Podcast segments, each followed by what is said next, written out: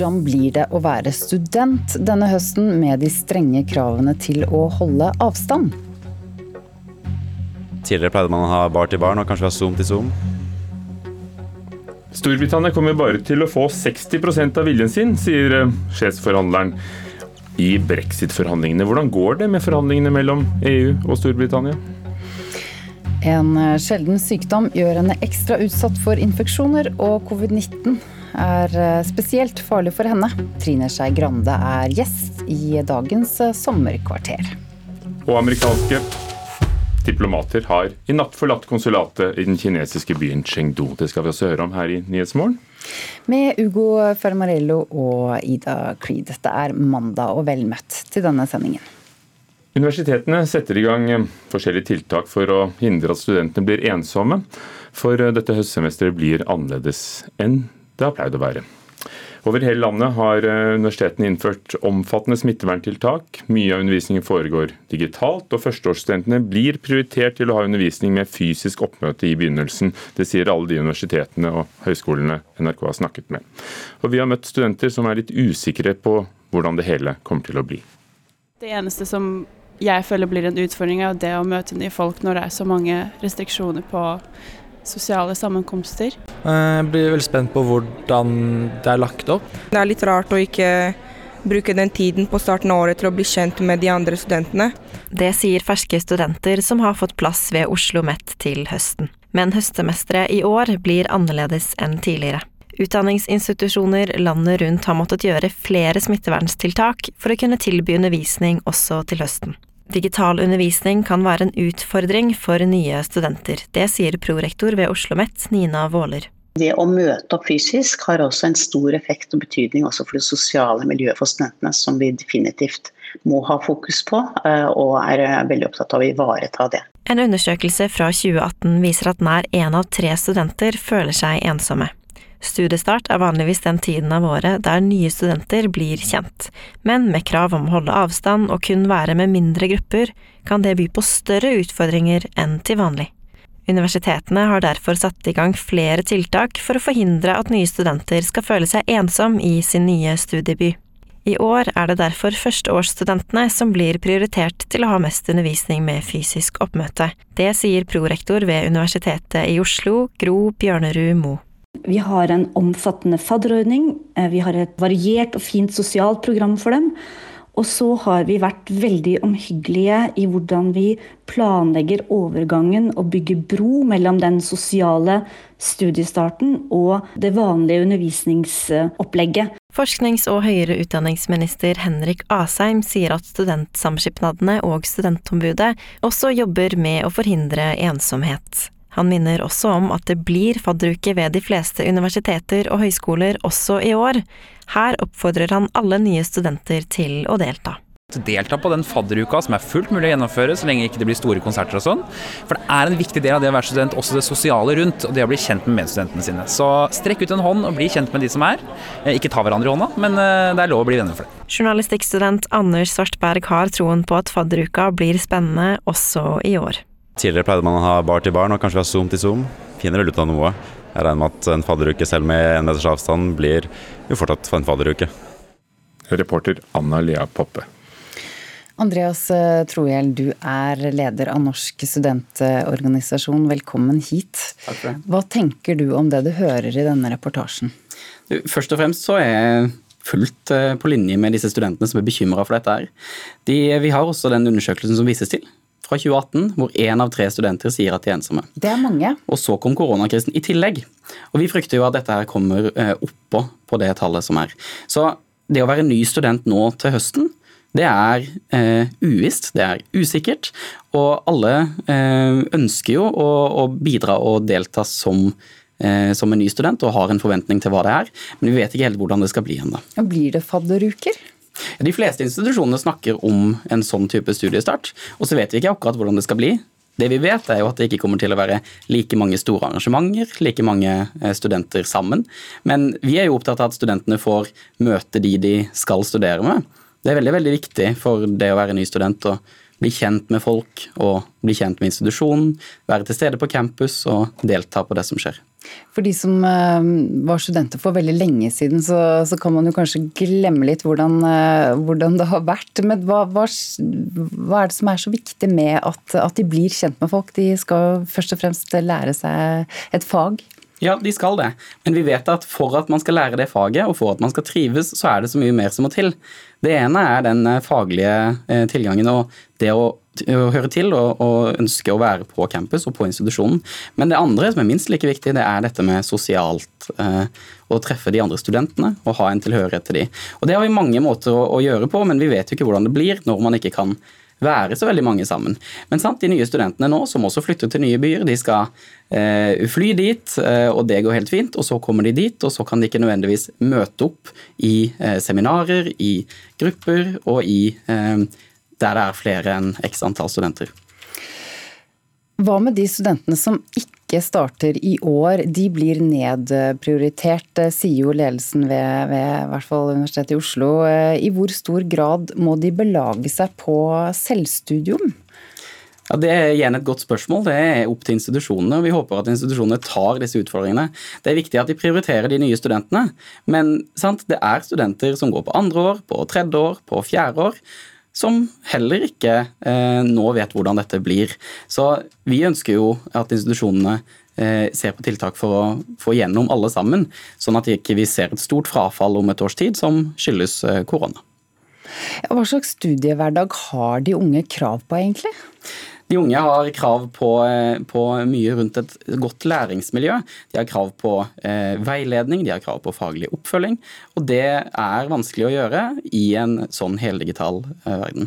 Og nå hadde vi forrige semester hvor eh, på noen få uker så la alle institusjonene om til en digital eh, hverdag. Det var en nødløsning.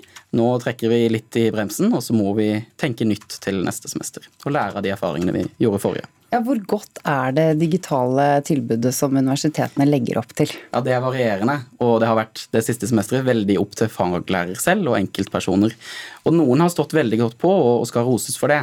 Men um, for at alle studentene skal få det de har eh, krav på, så, så er det viktig at uh, det kommer uh, fra ledelsesnivå og fra gjerne også departementsnivå, sånn at man uh, stiller de kravene man skal da, til, til institusjonene. Takk for at du kom hit, Andreas Trohjell, leder av Norsk studentorganisasjon.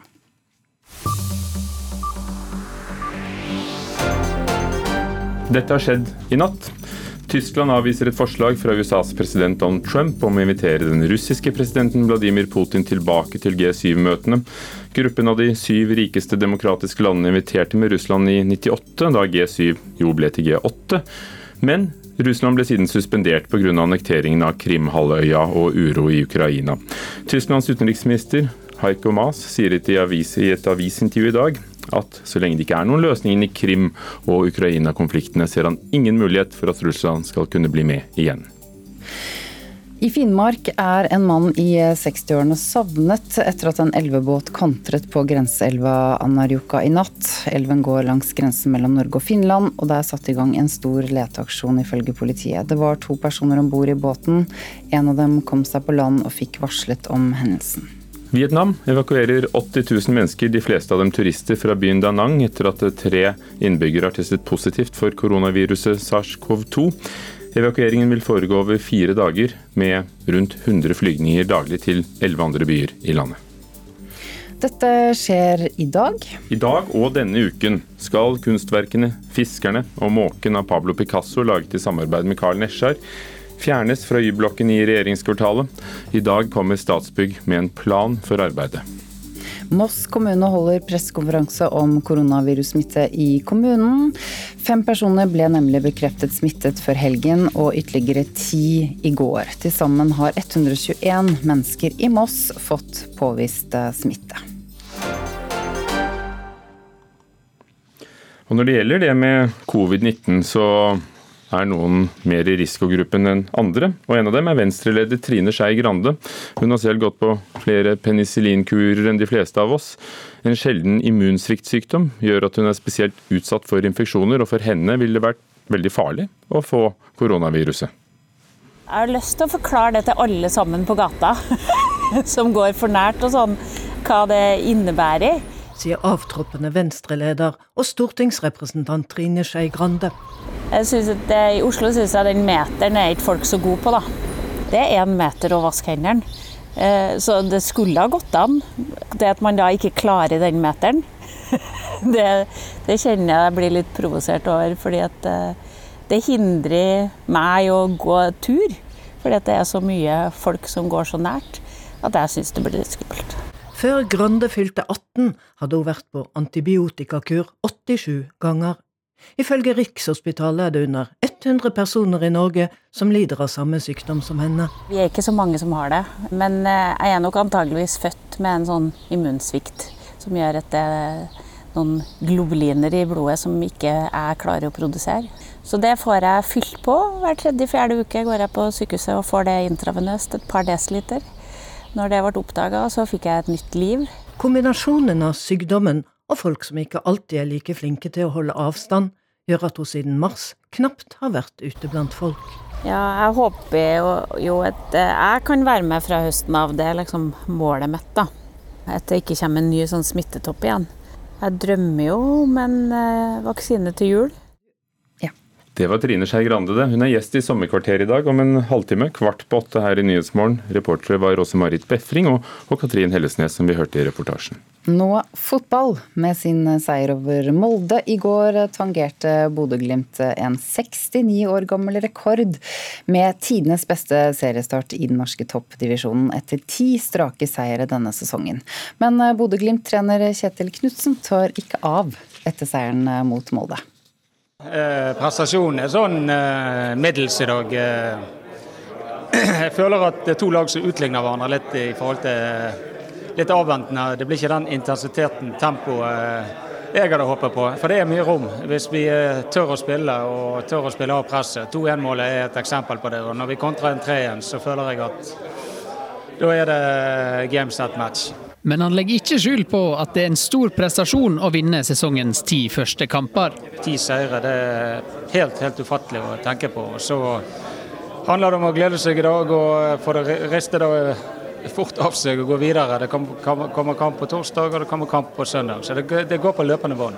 Også Eliteseriens toppskårer Kasper Junker legger vekt på prestasjonen etter seieren mot Molde.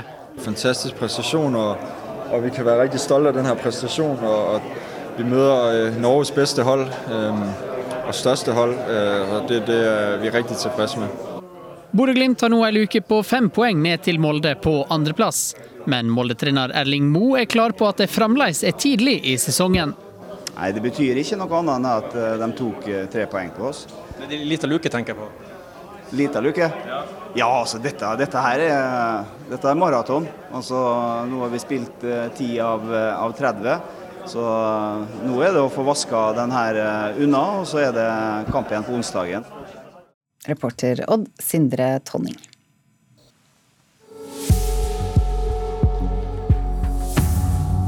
Klokken er 16 minutter over sju. Dette er NRKs eh, Nyhetsmorgen. Flagget er firt ved det amerikanske konsulatet i Chengdu i Kina, som myndighetene der beordret stengt, som svar på at USA stengte det kinesiske konsulatet i Houston. Mer om det straks. Norsk studentorganisasjon frykter at strenge smittevernsregler kommer til å gjøre at flere studenter enn vanlig kommer til å kjenne på ensomheten denne høsten. Det er nesten umulig å ikke bevege seg til musikk.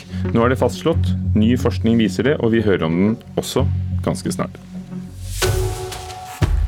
Ja, amerikanske diplomater har i natt forlatt konsulatet i den kinesiske byen Chengdu. Og kinesiske myndigheter har tatt over bygningen. Det skjer etter at Kina har beordret konsulatet stengt, som svar på at USA jo stengte det kinesiske konsulatet i byen Houston i forrige uke. Utenriksmedarbeider Tore Moland, hvordan foregikk dette? Folk som bor i Chengdu hadde samla seg utenfor det amerikanske konsulatet. De vifta med kinesiske flagg og jubla og tok bilder. Og det ble visst ropt noen ukvemsord i retning konsulatet også. Imens skrudde de ansatte inne på konsulatet ned skiltene, de bar ut sakene sine i svarte sekker, før de da fira det amerikanske flagget tidlig i morges og forlot bygningen. USA hadde fått en frist på seg på 72 timer til å stenge dette konsulatet, og for tre timer siden kom det da en bekreftelse fra amerikansk UD om at konsulatet nå er stengt. Kan ikke du gi oss en kort bakgrunn på hvordan denne striden mellom Kina og USA nå også har blitt en diplomatisk feide med stengning av eh, konsulater. Ja, dette er jo et sånn klassisk diplomatisk spill. Titt for tatt, like for like. USA beordra det kinesiske konsulatet i Houston i Texas stengt i forrige uke. Beskyldte det for å være et spionreir. Og så svarer Kina da med å stenge USAs konsulat i Chengdu. Men det handler jo også om en real opptrapping av striden som pågår mellom USA og Kina. Det handler om handelskrig, om teknologi og overvåking, om demokrati og menneskerettigheter. Og president Donald Trump har jo også skyldt på Kina for spredning av korona koronaviruset og for å stjele teknologiske patenter fra USA. Mens Kina da kanskje har en oppfatning av at USA forsøker å stanse deres framvekst som global økonomisk supermakt.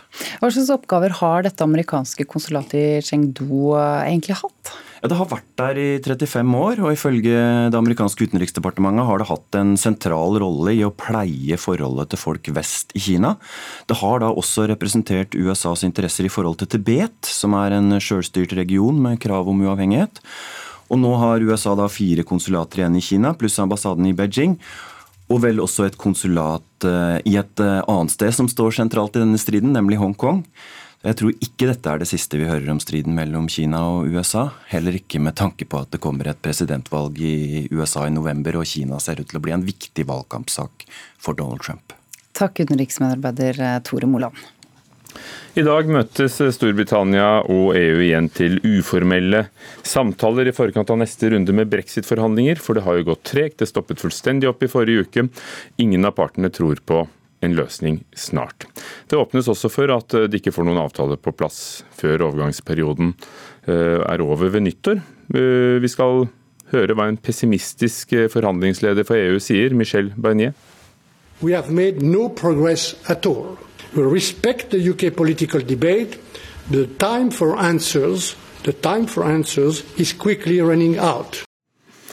Vi har ikke gjort noen fremskritt. Tiden er i ferd med å renne ut, advarte Barnier forrige uke, mens hans motpart, David Frost, understreker at det ikke blir noen enighet før EU godtar at Storbritannia er en uavhengig stat som bestemmer mye selv.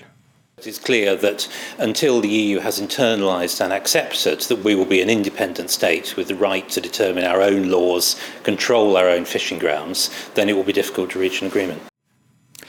Ja, et land med rett til å vedta egne lover og bestemme over sine egne fiskebanker. Eh, Erik Mustad, førstelektor Universitetet i Agder, god morgen. God morgen. Hvorfor stoppet opp? Nei, Dette har jo stått stille siden pandemien gjorde sitt inntog i Storbritannia. Eh, og etter Storbritannia gikk ut av EU og Johnson fikk gjennom denne skilsmisseavtalen etter valget i Storbritannia i desember i fjor, ja, så har det bare gått nedover etter pandemien kom. Og Forhandlingene har stått på stedet hvil. og Nå hørte vi de to forhandlingslederne som du akkurat spilte av nå, sa at det ikke er gjort noe fremskritt i det hele tatt. Og det er det ikke gjort. Og Storbritannias sjefforhandler eh, David Frost sier da ifølge The Sunday Times i går, gjengitt i britiske aviser i dag, at vi får nok bare 60% av det vi vil ha i denne handelsavtalen. Hva, hva betyr et utspill som det internt i England? Nei, Det betyr jo at eh, Storbritannia ikke vil få oppfylt alle de ønskene og de kravene de har i forhandlingene, for det at EUs regelverk tillater ikke det. EU vil ikke akseptere at eh, Storbritannia kan få tilgang til det indre markedet, med mindre Storbritannia godtar at det er visse prinsipper og premisser for denne tilgangen til markedet. Så her er det mange ting som, som foregår bak lukka dører. Og vi må huske på at Boris Johnson for fem år siden ble brexit-general. Han eh, sørga for at Storbritannia eh, stemte for å gå ut av EU i 2016. I fjor sommer ble han valgt som konservativ leder og statsminister med å, å komme med budskapet 'get Brexit done', altså få gjennomført brexit. Det har han nå gjort. Han uttalte da han ble brexit-general i 2016 at det å få en handelsavtale med EU ville bli veldig lett fordi at EU var interessert i Storbritannia som et marked, fordi at Storbritannia var såpass stor aktør. Men eh, nå ser vi altså at eh, kanskje ikke dette er mulig, og de er nødt til å få en avtale på plass før oktober, slik at en eventuell avtale kan ratifiseres før overgangsperioden går ut ved nyttår. Og hvis det ikke skjer, hva da? Da vil Storbritannia fortsette å handle med EU gjennom WTOs regelverk. Det betyr at det må skattlegges Eh, varer og tjenester. Eh, alt må fortolles, alt må skattlegges. Det vil være vanskelig for personer å reise over grensene. Eh, spesielt på den irske øya, som har vært et stridspunkt i brexit forhandlingene tidligere, og i denne skilsmisseavtalen som tidligere statsminister Theresa May og nå Boris Johnson har hatt problemer med i forhold til EU, fordi at de ønsker at den grensa skal være åpen. Men det vil ikke være tilfellet hvis man ikke får på plass en handelsavtale. For da må både varer, tjenester og mennesker akseptere at Storbritannia ikke har en avtale med Den europeiske unionen, og da vil det bli vanskelig både for næringslivet og for turister. Og hva vil det gjøre for folk i Storbritannia? Hva vil det gjøre med, med Boris Johnsons oppslutning? Nei, det er jo det som er vanskelig å si. Nå skal vi heller ikke undervurdere Boris Johnson. Han klarte å åpne skilsmisseavtalen med EU som Teresa May ikke klarte å få til i fjor høst. Det, det gjorde han eh, på en sånn måte som overraska veldig mange også i Storbritannia. Så eh, det kan godt være at det kommer på plass en handelsavtale, men som du refererte til innledningsvis, dette er da en eventuell avtale som Storbritannia ikke vil bli særlig fornøyd med. Og Det var jo det David Frost advarte konservative parlamentsmedlemmer om i går. At eh, kanskje får vi gjennom bare 50-60% av kravene våre i en sånn avtale. Og Da er jo det store spørsmålet ønsker Storbritannia å ha en sånn avtale hvor kanskje bare drøyt halvparten av kravene de sine blir innfridd av EU. Når Storbritannia er såpass hardt rammet som det er av pandemien, er brexit eh fortsatt eh, på alles eh, lepper i Storbritannia, du som følger med? Nei, det er klart Brexit har kommet i bakgrunnen nå pga. koronasituasjonen. Det er det ingen som helst tvil om. og Boris Johnson har fått veldig mye kritikk for at han har håndtert pandemien veldig dårlig. Så han er jo svekka i, i den forstand. Men samtidig så eh, er brexit viktig. Så her kan vi jo risikere at han som kanskje har vært klarest i retorikken i forhold til å levere brexit, kommer seg ut av Den europeiske unionen for Storbritannia muligens da ender opp uh, uten en handelsavtale. Kanskje ikke det er så farlig for Boris Johnson, men alle prognosene i Storbritannia tilsier jo at det vil bli økonomisk katastrofalt for det britiske næringslivet spesielt. Så, så, det er mange i Storbritannia som frykter en ikke-handelsavtale med EU. Så får vi se hva det gjør med Boris Johnsons popularitet på sikt. Han vant jo et brakvalg i desember. Så får vi se hvor lenge denne oppslutninga holder, hvis det nå ikke blir noe avtale med EU i løpet av de nærmeste ukene. Vi får se. I dag begynner de igjen å snakke sammen. Takk skal du ha, Erik Mustad.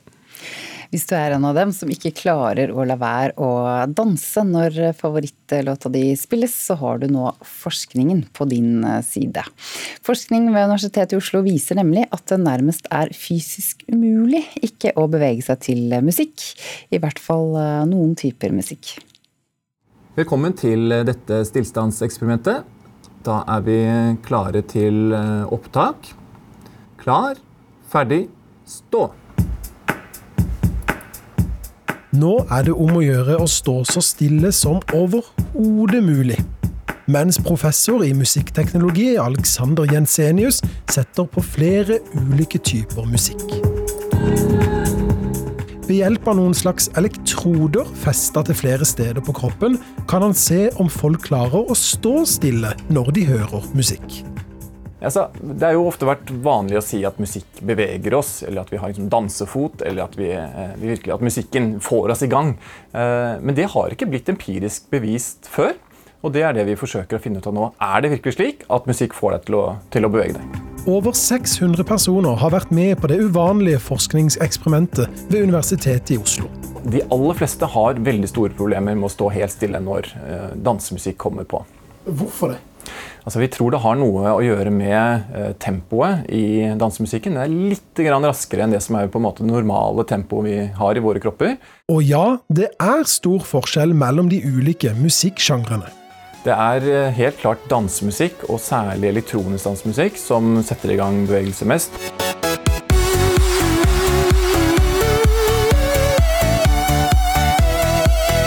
Og vi har sammenlignet det også med f.eks. klassisk musikk.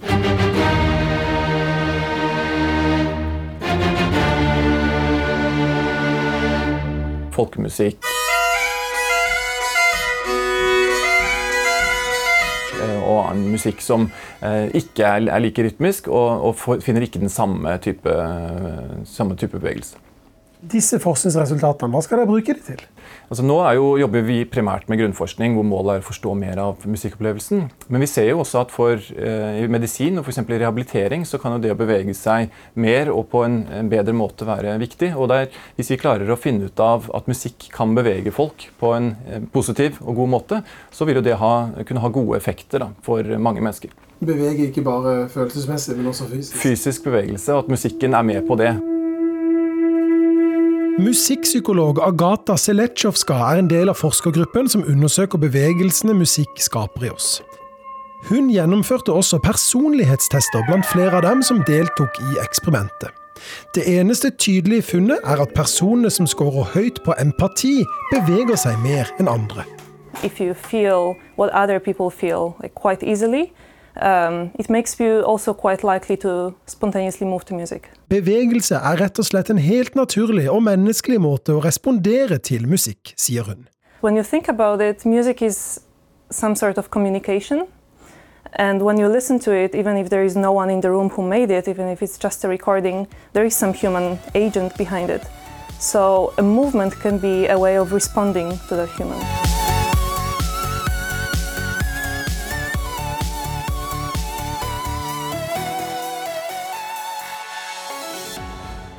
Reporter her var Christian Ingebretsen. Aya Sofia, kirken som ble moské, som ble museum, som ble moské igjen, skaper jo splittelse i Istanbul og i hele verden. Vår eh, korrespondent har snakket med kristne og andre i Istanbul om hvordan de opplevde forandringen sist fredag. Dette er NRKs Nyhetsmorgen, og nå straks får du Dagsnytts eh, hovedsending 7.30.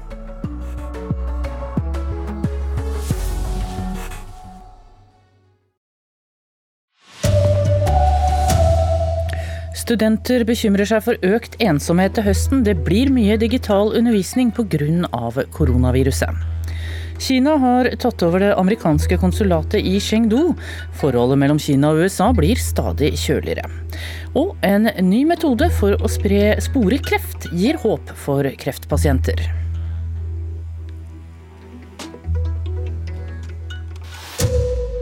God morgen, her er NRK Dagsnytt. Klokka er 7.30. Eh, ja, universitetene setter i gang tiltak for å hindre at studenter blir ensomme ved studiestart denne høsten. Universiteter og høyskoler har innført omfattende smitteverntiltak med mye digital undervisning. De nye studentene NRK har snakket med er usikre på hvordan høstsemesteret kommer til å bli. Det eneste som jeg føler blir en utfordring, er det å møte nye folk når det er så mange restriksjoner på sosiale sammenkomster. Det er litt rart å ikke bruke den tiden på starten av året til å bli kjent med de andre studentene. Det sier ferske studenter som har fått plass ved Oslo OsloMet til høsten. Men høstsemesteret i år blir annerledes enn tidligere. Jeg blir veldig spent på hvordan det er lagt opp. Utdanningsinstitusjoner landet rundt har måttet gjøre flere smitteverntiltak for å kunne tilby undervisning også til høsten. Digital undervisning kan være en utfordring for nye studenter. Det sier prorektor ved Oslo OsloMet, Nina Våler. Det å møte opp fysisk har også en stor effekt og betydning også for det sosiale miljøet for studentene. En undersøkelse fra 2018 viser at nær én av tre studenter føler seg ensomme. Studiestart er vanligvis den tiden av året der nye studenter blir kjent, men med krav om å holde avstand og kun være med mindre grupper, kan det by på større utfordringer enn til vanlig. I år er det derfor førsteårsstudentene som blir prioritert til å ha mest undervisning med fysisk oppmøte. Forsknings- og høyere utdanningsminister Henrik Asheim minner også om at det blir fadderuke ved de fleste universiteter og høyskoler også i år. Delta på den fadderuka som er fullt mulig å gjennomføre så lenge ikke det blir store konserter og sånn. For det er en viktig del av det å være student, også det sosiale rundt, og det å bli kjent med medstudentene sine. Så strekk ut en hånd og bli kjent med de som er. Eh, ikke ta hverandre i hånda, men eh, det er lov å bli venner for det. Reporter her var Anna Lea Poppe. Andreas Trohjell er leder av Norsk studentorganisasjon. Også han er bekymret for hvordan studiestarten kommer til å bli. Vi har også den undersøkelsen som vises til, fra 2018, hvor én av tre studenter sier at de er ensomme. Og så kom koronakrisen i tillegg. Og vi frykter jo at dette her kommer eh, oppå på det tallet som er. Så det å være ny student nå til høsten, det er eh, uvisst, det er usikkert. Og alle eh, ønsker jo å, å, bidra og delta som, eh, som en ny student og har en forventning til hva det er, men vi vet ikke helt hvordan det skal bli ennå. Blir det fadderuker? De fleste institusjonene snakker om en sånn type studiestart, og så vet vi ikke akkurat hvordan det skal bli. Det vi vet er jo at det ikke kommer til å være like mange store arrangementer, like mange eh, studenter sammen. Men vi er jo opptatt av at studentene får møte de de skal studere med. Det er veldig, veldig viktig for det å være ny student å bli kjent med folk og bli kjent med institusjonen, være til stede på campus og delta på det som skjer. Intervjuer her var Ida Creed. Vietnam evakuerer 80 000 turister fra byen Da Nang etter et utbrudd av koronasmitte. De fleste er lokale turister, og det skal være påvist tre smittetilfeller i byen. Myndighetene sier evakueringen kommer til å ta minst fire dager, med over 100 flygninger hver dag. Amerikanske diplomater har i natt eh, forlatt konsulatet i den kinesiske byen Chengdu, og kinesiske myndigheter har tatt over bygningen. Det skjer etter at Kina har beordret konsulatet stengt, som svar på at USA stengte det kinesiske konsulatet i byen Houston. Og utenriksmedarbeider eh, Tore Moland, eh, hvordan foregikk dette? Nei, De ansatte på konsulatet de skrudde ned skiltene sine, fire av det amerikanske flagget tidlig i morges, bar ut sakene sine i svarte sekker og forlot bygningen. Og Imens så hadde det samla seg folk som bor i Chengdu utafor konsulatet. De vifta med kinesiske flagg og jubla. og tok bilder av seg sjøl, og det ble visst ropt noen ukvemsord i retning ambassadepersonellet, konsulatpersonellet også. USA hadde altså fått en frist på seg på 72 timer til å stenge dette konsulatet, og for tre timer siden kom det også en offisiell bekreftelse fra amerikansk UD om at konsulatet i Chengdu nå er stengt. Du, hva er bakgrunnen for at striden mellom Kina og USA nå også har blitt en diplomatisk feide med stenging av konsulater? Ja, nå har jo dette blitt et sånn klassisk diplomatisk spill med like for like, der USA beordra konsulatet i Houston eh, stengt i forrige uke og beskyldte det for å være et spionreir, og Kina svarer med å stenge konsulatet i Chengdu. Men det er jo en real opptrapping av striden mellom USA og Kina som vi nå er vitne til. Det handler om handelskrig, om teknologi, overvåking, demokrati og menneskerettigheter. President Donald Trump ser også ut til å ha gjort Kinaspørsmålet til en hovedsak i valgkampen fram mot det amerikanske presidentvalget i november. Han har jo også skyldt på Kina for spredning av koronavirus og for å stjele teknologi og patenter.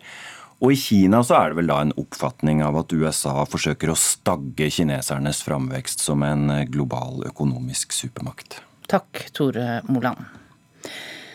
En ny metode for å spore kreft gir håp for kreftpasienter. Forskere ved Haukeland universitetssykehus tar nå for første gang i bruk metoden, som skal føre til, man, føre til at man på et tidligere tidspunkt kan sørge for at pasientene får riktig behandling.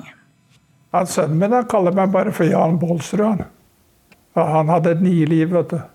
Tor Oen fra Bergen har hatt fem ulike kreftdiagnoser. Nei, fire. Det er jo vekk de er jo operert vekk, da. Så nå er det leukemien som gjenstår. Nå skal han være med og prøve ut en helt ny metode i behandlingen for leukemi. Som de første i Norge skal forskere ved Haukeland universitetssykehus ta i bruk et verktøy som skal oppdage spredning av kreft i kroppen.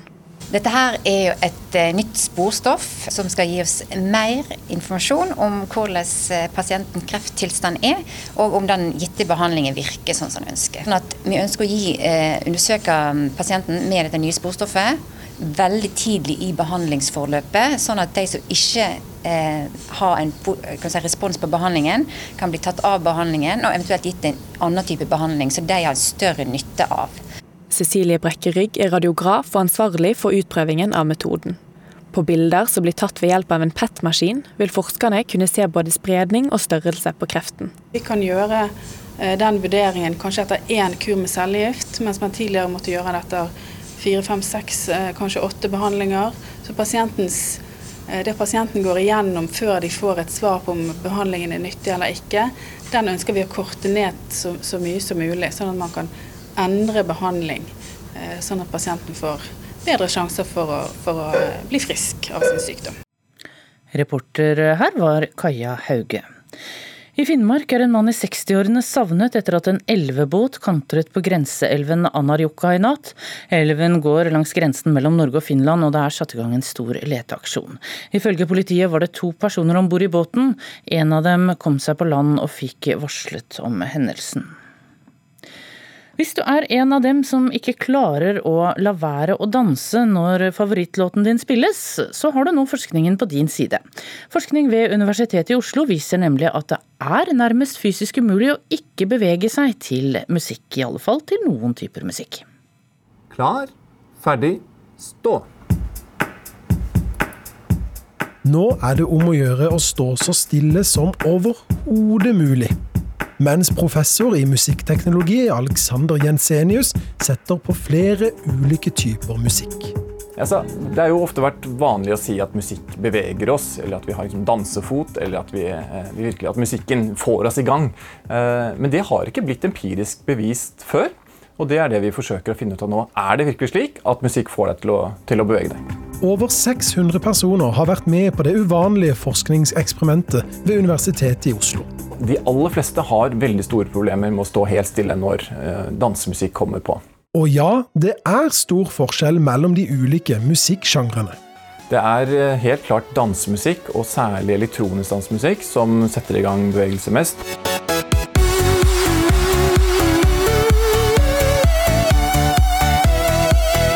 Og vi har sammenlignet det også med f.eks. klassisk musikk.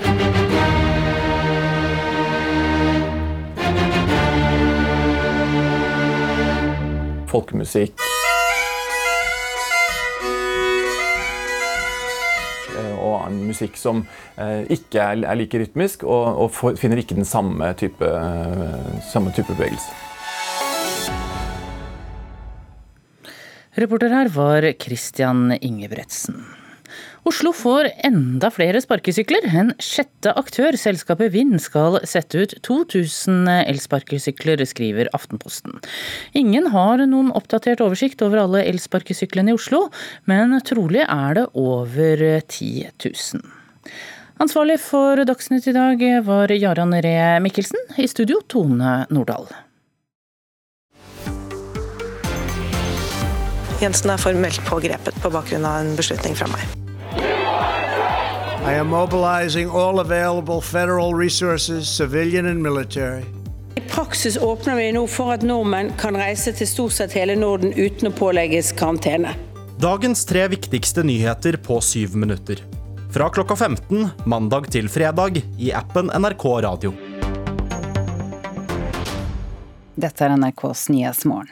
Omgjøringen av eh, det verdenskjente bygget Aya Sofia har jo skapt eh, frykt, spesielt hos de kristne i eh, Istanbul. Nokså overraskende bestemte den tyrkiske presidenten Erdogan seg for å gjøre det 1500 år gamle kirkebygget om til moskeen, og før helgen ble det arrangert fredagsbønn for første gang på 86 år. Allah!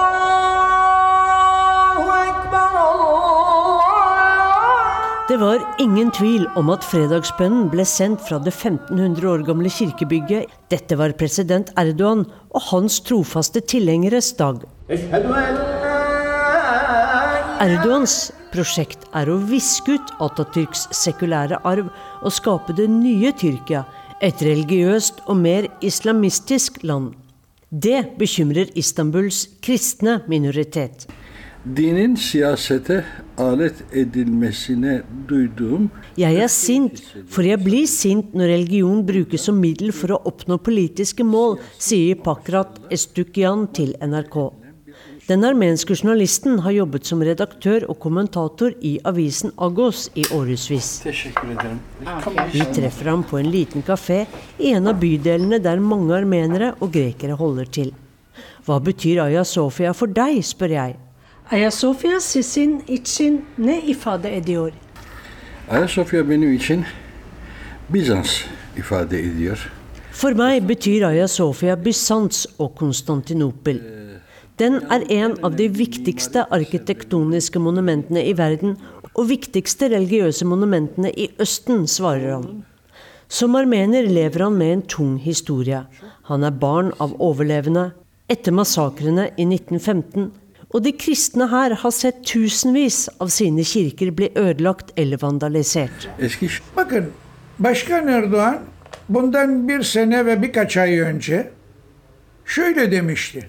Men for bare ett år og to måneder siden sa Erdogan noe helt annet om Aya Sofia, minner den greske pressemannen Mikhail Vasiliadis om.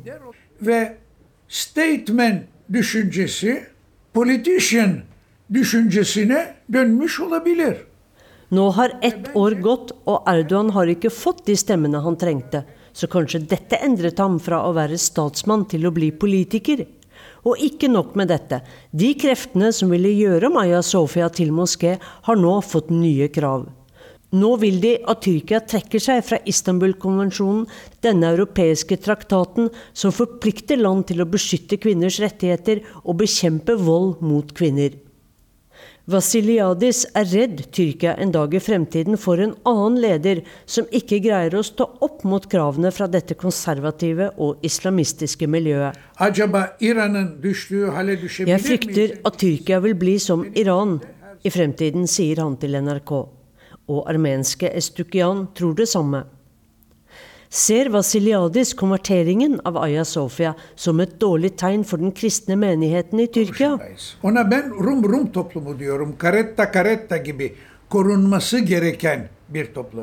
Vi kan ikke snakke om et gresk samfunn lenger. Jeg kaller dem bare karetta karetta.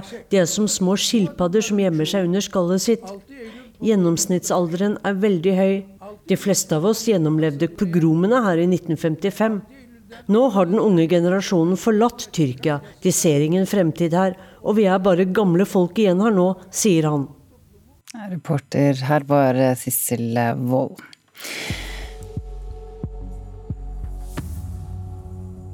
Hovedsaken denne morgenen er at mange studenter er redde blir ensomme denne høsten, for det blir fortsatt mye digital undervisning pga. koronaviruset. Avtroppende venstreleder Trine Skei Grande har ett ønske til jul, en koronavaksine. For henne er viruset spesielt farlig fordi hun lider av en sjelden immunsviktsykdom. Reporter Åse Marit Befring møtte Grande i hagen hennes i Gamle Oslo til Politisk sommerkvarter.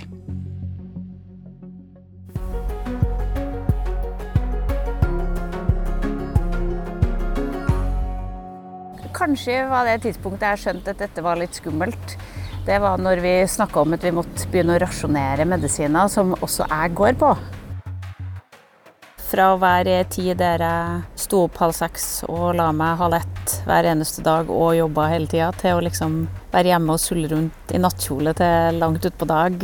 Det er en ganske stor forskjell. Jeg heter Trine Skei Grande, jeg er partileder i Venstre og stortingsrepresentant for Oslo. Hva er ditt beste hjemmekontortips? Nei, det å ha hage. Men jeg har jo sittet ute siden mars. Og nå når det er så varmt, er det veldig fint på kveldene å sette seg. Jeg satt og skrev landsstyretale til klokka var halv ett her sånn. Og sola har gått ned, og det var bare kos. Og da går det nesten ikke tog heller. Jeg tror jeg det er en passe pause å spise kanelsnurr. Med Norges mest trafikkerte toglinjer som nærmeste nabo, byr Trine Skei Grande på hjemmebakst. Katten Esmeralda døser av i solen, mens hønene kakler fritt rundt i hagen. Her har hun tilbrakt nesten alle døgnets timer siden mars, da hun gikk av som statsråd og annonserte at hun trekker seg som partileder. Det er 4,6 meter derifra til dit. Til togskinnene? Ja, eller til den støymuren. Det var også mye støy i partiet før hun trakk seg. Anonyme venstrefolk kom med påstander om rå maktkamp, der Sveinung Rotevatn og Abid Raja skal ha blitt tilbudt plass ved kongens bord mot at de ikke utfordret henne når ny partileder skulle velges. Uten motkandidater ble Trine Skei Grande enstemmig innstilt for en ny periode. Hvorfor trakk du deg likevel? Jeg tror jeg beskrev at vi hadde noen pressesamlinger eh, den fredagen eh, etter innstillinga kom. Der jeg mista, for å være helt ærlig, litt trua på at jeg skulle klare å holde dette samla. Hvorfor det? Fordi jeg klarte ikke å finne motivasjon til å tro at, eh, at vi tre skulle klare å bygge oss sammen til et godt team. Du og Sveinung og Raja? Ja. Så jeg, og, jeg la meg den kvelden, og så var jeg veldig sliten. Så tenkte jeg kanskje at eh, Kanskje føles ting litt annerledes når du har sovet litt mer, Trine. Så våkna jeg og hadde sovet i 13 timer. Og det kjentes helt likt. Og da bestemte jeg meg for at hvis ikke du har motivasjon til å gjøre det sjøl, så må noen andre gjøre det. Men det var jo du som valgte å ta de inn i regjering som statsråder. Var det der du oppdaget at dere tre ikke kunne samarbeide? Jo, vi kan samarbeide, men, jeg, men jeg, tenkte at, at, jeg tenkte kanskje at jeg skulle klare å bringe litt mer frontene sammen. Før du annonserte at du ikke tar gjenvalg, så ble du beskyldt for å gjøre dette statsrådbyttet for å sikre din egen posisjon. Er det noe du kjenner deg inn i? Nei, det er jo ikke det. Jeg har aldri kommentert dem. For det, vi, kan ikke, vi, kan ikke, ha et politisk system der eh, man skal sitte og forholde seg til andres versjoner av hva som har skjedd i rom. Det mener jeg er bevis på dårlig organisasjonskultur, og jeg klarte ikke å bekjempe det. Jeg har eh, aldri prøvd å deltatt i en sånn Verken å svare på det eller å, eller å være en del av det. Og merka jo kampanjene som pågikk, men eh, ja. Det, det får tilhøre historien nå. Kunne du ha håndtert konflikten i partiet annerledes? Ja, det er alltid ting man kan gjøre annerledes, men, eh, men eh, hvis noen tror at jeg bare var opptatt av min egen posisjon, så er det vel litt rart at jeg gikk ut av regjering, selv om jeg gikk av som stat, eh, varsla at jeg skulle gå av som partileder. Det hadde jeg ikke gjort. Kunne jeg venta til landsmøtet med det. Men hva tenker du om den kritikken da i ettertid? Jeg tror nok at den er motbevist i ettertid. Jeg har hatt det veldig godt med meg sjøl med den avgjørelsen. Eh, jeg kommer ikke til å savne meg sjøl i politikken, som andre avgåtte partiledere. Eh, og jeg er veldig fornøyd med den gjengen som, eh, som holder på nå i regjering. De, vi har fire veldig talentfulle folk som er med på å markere partiet.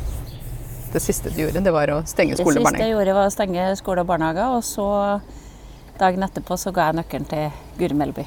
Jeg er selvsagt veldig glad for å få den muligheten, men det er litt vemodige omstendigheter, må jeg bare si. Jeg ville gjerne at, at når jeg ikke skulle være partileder, så ga det oss en sjanse til å vise fram et, en person til. Hvorfor akkurat henne? Fordi For det første at hun sto litt for opprykk. Og så var hun veldig klar.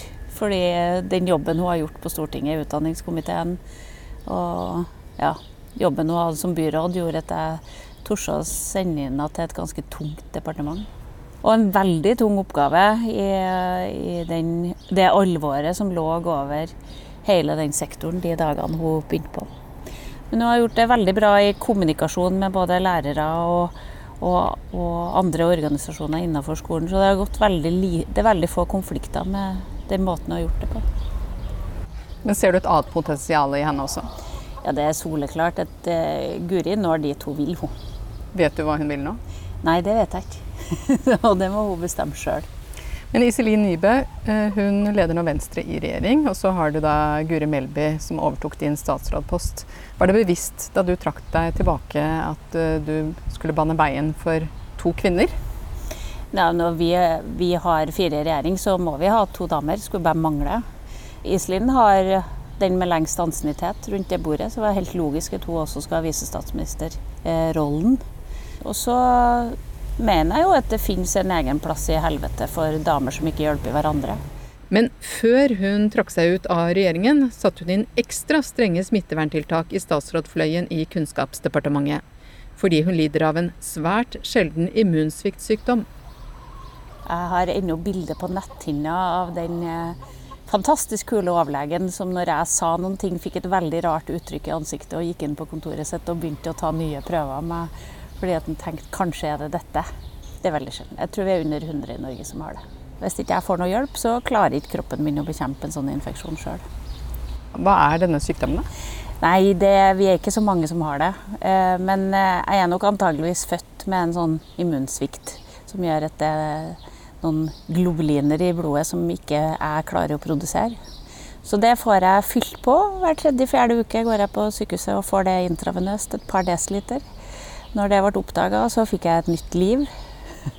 Eh, før var liksom alle infeksjoner som passerte meg, enda i en stor infeksjon som måtte ta penicillin. Så folk rundt meg vet hva det betyr når jeg sier at jeg skal på påfyll. Da er det immunforsvaret mitt som skal, skal gjøres litt sterkere. Hva ville det innebære for deg å få koronaviruset da, når du har denne sjeldne immunsykdommen? Det ville vært veldig veldig farlig, fordi at uh, kroppen min er så dårlig til å nedkjempe infeksjoner. Jeg har lyst til å forklare det til alle sammen på gata som går for nært og sånn, uh, hva det innebærer. Så jeg håper jo at flere jeg synes at det, I Oslo syns jeg den meteren er ikke folk så gode på, da.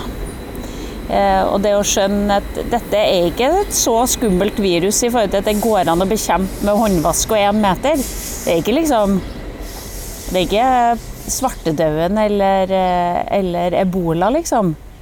Det er én meter å vaske hendene. Eh, så det skulle ha gått an. Det at man da ikke klarer den meteren, det, det, kjenner jeg blir litt provosert over. fordi at eh, det hindrer meg å gå tur. Fordi at det er så mye folk som går så nært at jeg syns det blir litt skummelt. Ja, hvor ofte er du utenfor husets fire vegger når du ikke er i hagen din? da? Siden 13. mars har jeg, tror jeg vært tre ganger på butikken, for man må pante flasker sjøl om man får levert varer på døra. Eh, jeg har vært på sykehuset noen ganger med sånn påfyllet mitt. da. Eh, og så var jeg en tur ut på 17. mai. Og så var jeg på åpninga av hovedbiblioteket i går, for det bare måtte jeg gjøre. For det hadde jeg gleda meg sånn til. Var det med i dine vurderinger da du gikk av som partileder? At dette kan bli et langt og tøft løp med denne koronaen?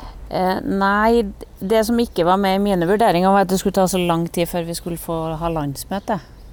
Det hadde jeg håpa at vi skulle kunne ha fått før. For det blir en lang periode der jeg er redd for at vi får en lederdebatt som eh, jeg mener partiet ikke trenger, da. Eh, men, men, det har jo Det vi fikk tilbake, da, var jo en mulighet for folk til å vise seg fram. Og de fire statsrådene våre har fått liksom bryna seg i de tøffeste takene man kan tenke.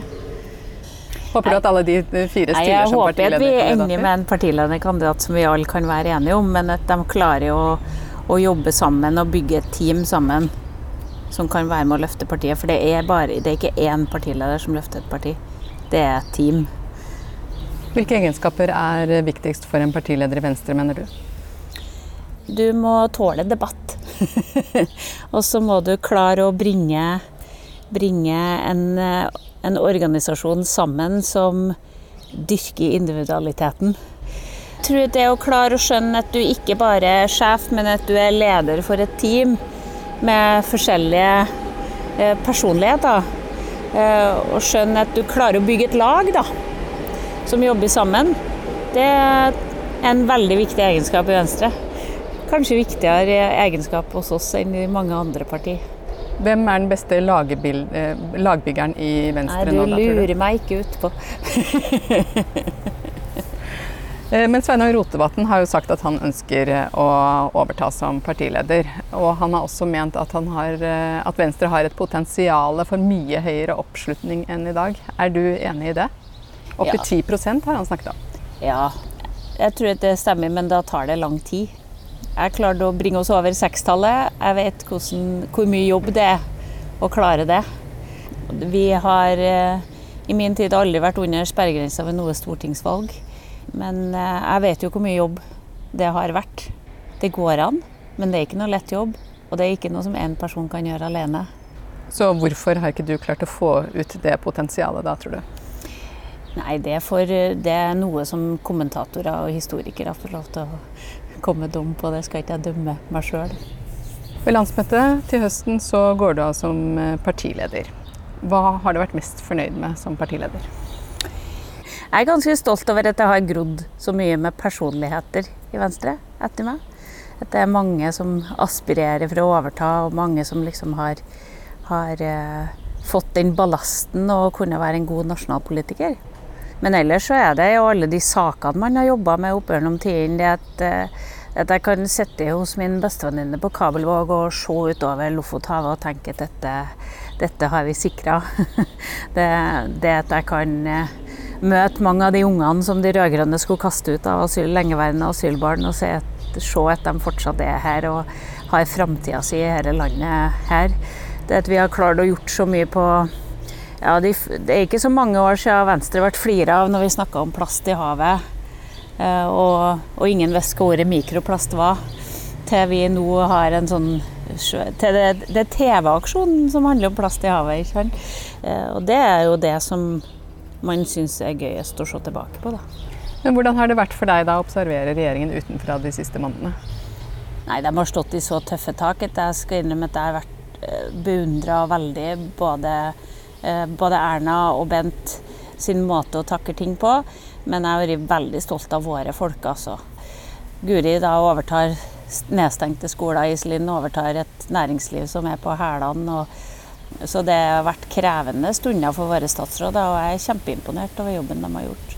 Hvor tett er du som partileder på regjeringens arbeid? Jeg leser ikke R-notater lenger nå, og det er jeg veldig glad for. det, men vi har jevnlige møter. Jeg snakker mye med Iselin, og så har vi jevnlige møter i ledertrioen eh, med regjeringsvenstre. Så, så er du med da å ta avgjørelser på vegne av partiet i disse sakene? Ja, det er. Men jeg, jeg, jeg, har ikke hatt en eneste frustrasjon over at de har tatt en avgjørelse som jeg har vært uenig i så langt. Hva er det som har gjort deg mest forbanna de siste månedene, da?